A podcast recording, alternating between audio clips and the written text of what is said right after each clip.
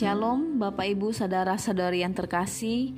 Kita sungguh bersyukur atas kesempatan hari ini kita bisa kembali belajar kebenaran firman Tuhan. Sebelumnya saya mengajak kita untuk berdoa terlebih dahulu. Tuhan Yesus terima kasih atas berkatmu Tuhan dalam kehidupan kami Sehingga pada pagi hari ini kami akan belajar kebenaran firman Tuhan Tuhan berkati hati kami agar benih firman-Mu Tuhan bertumbuh dan berbuah dalam kehidupan kami sehari-hari. Hanya di dalam nama Tuhan Yesus kami berdoa. Haleluya. Amin. Bapak Ibu, saudara-saudari yang terkasih, hari ini kita belajar dari seri firman Tuhan dalam Hakim-hakim pasal yang ke-13 di mana di dalam pasal ini Bapak Ibu terdiri dari 25 ayat yang menceritakan mengenai penyelamatan Allah bagi bangsa Israel Bapak Ibu. Dan pada saat itu di mana bangsa Israel adalah mereka berpaling dari Tuhan dan hidup di dalam kejahatan. Kita tahu bahwa Bapak Ibu bahwa bangsa Israel ini adalah bangsa yang mengenal Allah di mana mereka menikmati pemeliharaan Tuhan melihat kuasanya dan perlindungan Tuhan yang sempurna dalam kehidupan mereka. Tetapi Bapak Ibu, buah apa yang mereka hasilkan selama mereka menjadi umat Allah? Yaitu mereka melakukan yang jahat di mata Tuhan. Kesukaan mereka adalah kejahatan, yaitu dosa, bukan sesuatu yang menyenangkan hati Tuhan, melainkan dosalah yang menjadi buah kehidupan mereka. Sehingga Bapak Ibu jikalau kita membaca di dalam ayat yang pertama ini, Allah menyerahkan mereka ke dalam tangan orang Filistin dan mereka ditindas selama 40 tahun lamanya. Nah, Bapak Ibu, kita percaya bahwa Allah itu adalah kasih. Allah itu setia, amin. Tetapi di dalam kasih dan setia Allah tidak ada kompromi, Bapak Ibu, di mana Allah tidak dapat kompromi dengan dosa, sehingga Allah menuntut umatnya untuk hidup di dalam kebenaran. Allah menghendaki setiap orang yang percaya kepadanya harus hidup di dalam kebenaran. Amin. Oleh karena kebenaran membuahkan kehidupan, sedangkan dosa membuahkan kematian. Nah, Bapak Ibu, demikian juga kita sebagai orang-orang Kristen, kita adalah umat Allah dan di mana hidup kita seharusnya hidup yang sesuai dengan kehendak Allah. Firman Tuhanlah yang harus kita hidupi di dalam kehidupan kita. Nilai-nilai kerajaan Allah yang menjadi nilai-nilai hidup kita. Amin. Nah, Bapak Ibu, oleh karena bangsa Israel melakukan yang jahat di hadapan Tuhan dan Allah memakai bangsa Filistin, Bapak Ibu, sehingga bangsa ini berkuasa atas bangsa Israel dan menindas mereka selama 40 tahun lamanya. Dan Allah hendak menyelamatkan bangsa tersebut. Allah menyelamatkan bangsa Israel melalui sebuah keluarga yang tidak terfikirkan oleh siapa pun, yakni melalui keluarga Manoah, Bapak Ibu. Dan kita tahu di dalam pasal yang ke-13 ini Bapak Ibu menceritakan di mana keluarga ini tidaklah mempunyai anak karena istrinya mandul. Tetapi Bapak Ibu Allah memakai keterbatasan mereka menjadi alat untuk menyelamatkan bangsa Israel, yaitu Allah menganugerahkan kepada mereka keturunan. Sehingga istrinya Bapak Ibu yang tadinya mandul menjadi mengandung seorang anak laki-laki. Dan anak ini Bapak Ibu akan menjadi nazir Allah. Dan dengan dia akan mulai penyelamatan orang Israel dari tangan orang Filistin. Tetapi Bapak Ibu menariknya di sini Bapak Ibu ketika malaikat Tuhan datang kepada istrinya Manoah di dalam ayat yang ketiga sampai ayat yang keempat. Tuhan berkata, dan malaikat Tuhan menampakkan diri kepada perempuan itu dan berfirman kepadanya demikian, Memang engkau mandul, tidak beranak, tetapi engkau akan mengandung dan melahirkan seorang anak laki-laki.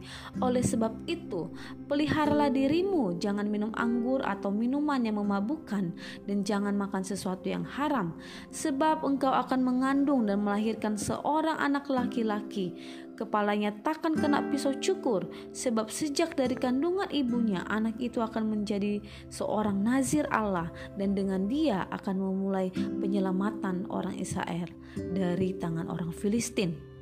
Pertama-tama Bapak Ibu malaikat Tuhan itu datang kepada istrinya dan memberitakan kabar baik tersebut. Lalu Bapak Ibu berita baik ini disampaikan istrinya kepada suaminya. Nah, Bapak Ibu, di sini ketika suaminya yaitu Manoah mendengar berita kabar baik dari istrinya tersebut, apa yang menjadi responnya Manoah Bapak Ibu? Apakah ia langsung percaya? Namun Bapak Ibu, jikalau kita melihat di dalam ayat yang ke-8, sikap yang diambil oleh Manoa ketika dia mendengar berita kabar baik tersebut dari istrinya. Ia mengkonfirmasi kembali kepada Allah.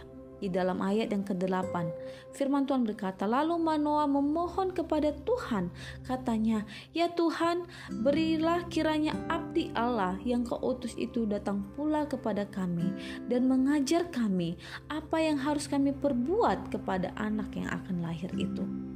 Bapak Ibu di dalam ayat ini sikap Manoa meminta kepada Allah untuk datang kembali bukan karena ia tidak percaya. Jikalau kita melihat di dalam ayat yang ke-8 apa yang ditekankan oleh Manoa, Bapak Ibu, di mana ia ingin mengerti bagaimana yang seharusnya mereka yang mereka lakukan selama istrinya mengandung Bapak Ibu. Dan di dalam ayat yang ke-9, Allah mendengar permohonan Manoah di mana malaikat Tuhan datang sekali lagi Bapak Ibu kepada istrinya yang sedang duduk sendirian di padang. Lalu Bapak Ibu istrinya bergegas memanggil suaminya dan Manoah kembali bertanya di dalam ayat yang ke-12. Lalu kata Manoah, "Dan apabila terjadi yang kau katakan itu, bagaimanakah nanti cara hidup anak itu dan tingkah lakunya. Malaikat Tuhan itu menyampaikan kembali tepat Bapak Ibu seperti apa yang disampaikan oleh istrinya. Malaikat Tuhan itu menjawab, perempuan itu harus memelihara diri terhadap semua yang kukatakan kepadanya Janganlah ia makan sesuatu yang berasal dari pohon anggur atau minuman yang memabukkan, tidaklah boleh diminumnya, dan sesuatu yang haram tidak boleh dimakannya. Ia harus berpegang pada segala yang kuperintahkan kepadanya.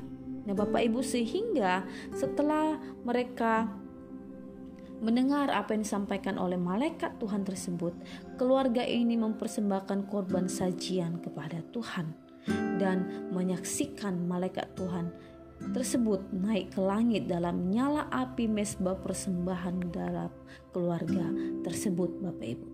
Dan di dalam ayat yang ke-24 sampai ayat yang ke-25 firman Tuhan berkata, "Lalu perempuan itu melahirkan seorang anak laki-laki dan memberi nama Simpson kepadanya." Anak itu menjadi besar dan Tuhan memberkati dia. Mulailah hatinya digerakkan oleh roh Tuhan di Mahanedan yang terletak di antara Zora dan Estaul. Nah, Bapak Ibu di sini kita bisa belajar Bapak Ibu di dalam keluarga yang terbatas. Allah menyatakan ketidakterbatasannya Bapak Ibu. Kita bisa melihat bagaimana Allah memakai keterbatasan keluarga Manoa untuk menjadi alat kemuliaan Tuhan dan kita belajar mengenai ketaatan di dalam iman keluarganya Manoa. Keluarga Manoa percaya janji Allah yang akan memberikan mereka anak Bapak Ibu. Namun di sisi lain, mereka harus taat kepada perintah Allah selama istrinya mengandung di mana harus memelihara hidupnya dengan menjauhi larangan yang telah ditetapkan Allah di mana mereka harus hidup sesuai dengan kehendak Allah Bapak Ibu. Nah, demikian juga dengan kita Bapak Ibu. Di dalam kita mengiring Tuhan, di dalam perjalanan iman kita kepada Allah, kita juga harus menjadi orang-orang Kristen yang taat. Amin. Kita harus menjadi orang-orang Kristen yang taat kepada firman Allah. Melakukan firman Allah siang dan malam Bapak Ibu. Di mana pun kita berada, baik di rumah, di sekolah, di tempat kita bekerja, di mana pun Bapak Ibu, kita harus menjadi orang-orang Kristen yang taat kepada Allah. Dan di mana Bapak Ibu di dalam ketaatan kita kepada Allah, berarti Bapak Ibu kita menjauhkan diri kita dari yang jahat, kita menjauhkan diri kita dari yang salah, dari sesuatu yang membuat kita berdosa, dan kita mendekatkan diri kepada kebenaran dan menghidupi kebenaran Allah itu di dalam kehidupan kita, Bapak Ibu. Di dalam ketaatan kita kepada Allah, yaitu perkataan dan perilaku kita, semuanya harus menyenangkan hati Tuhan. Amin. Di dalam Mazmur pasal yang ke-19 ayat 8 firman Tuhan berkata, Ketetapan Tuhan adalah benar menyukakan hati, perintah Tuhan adalah murni mencerahkan mata.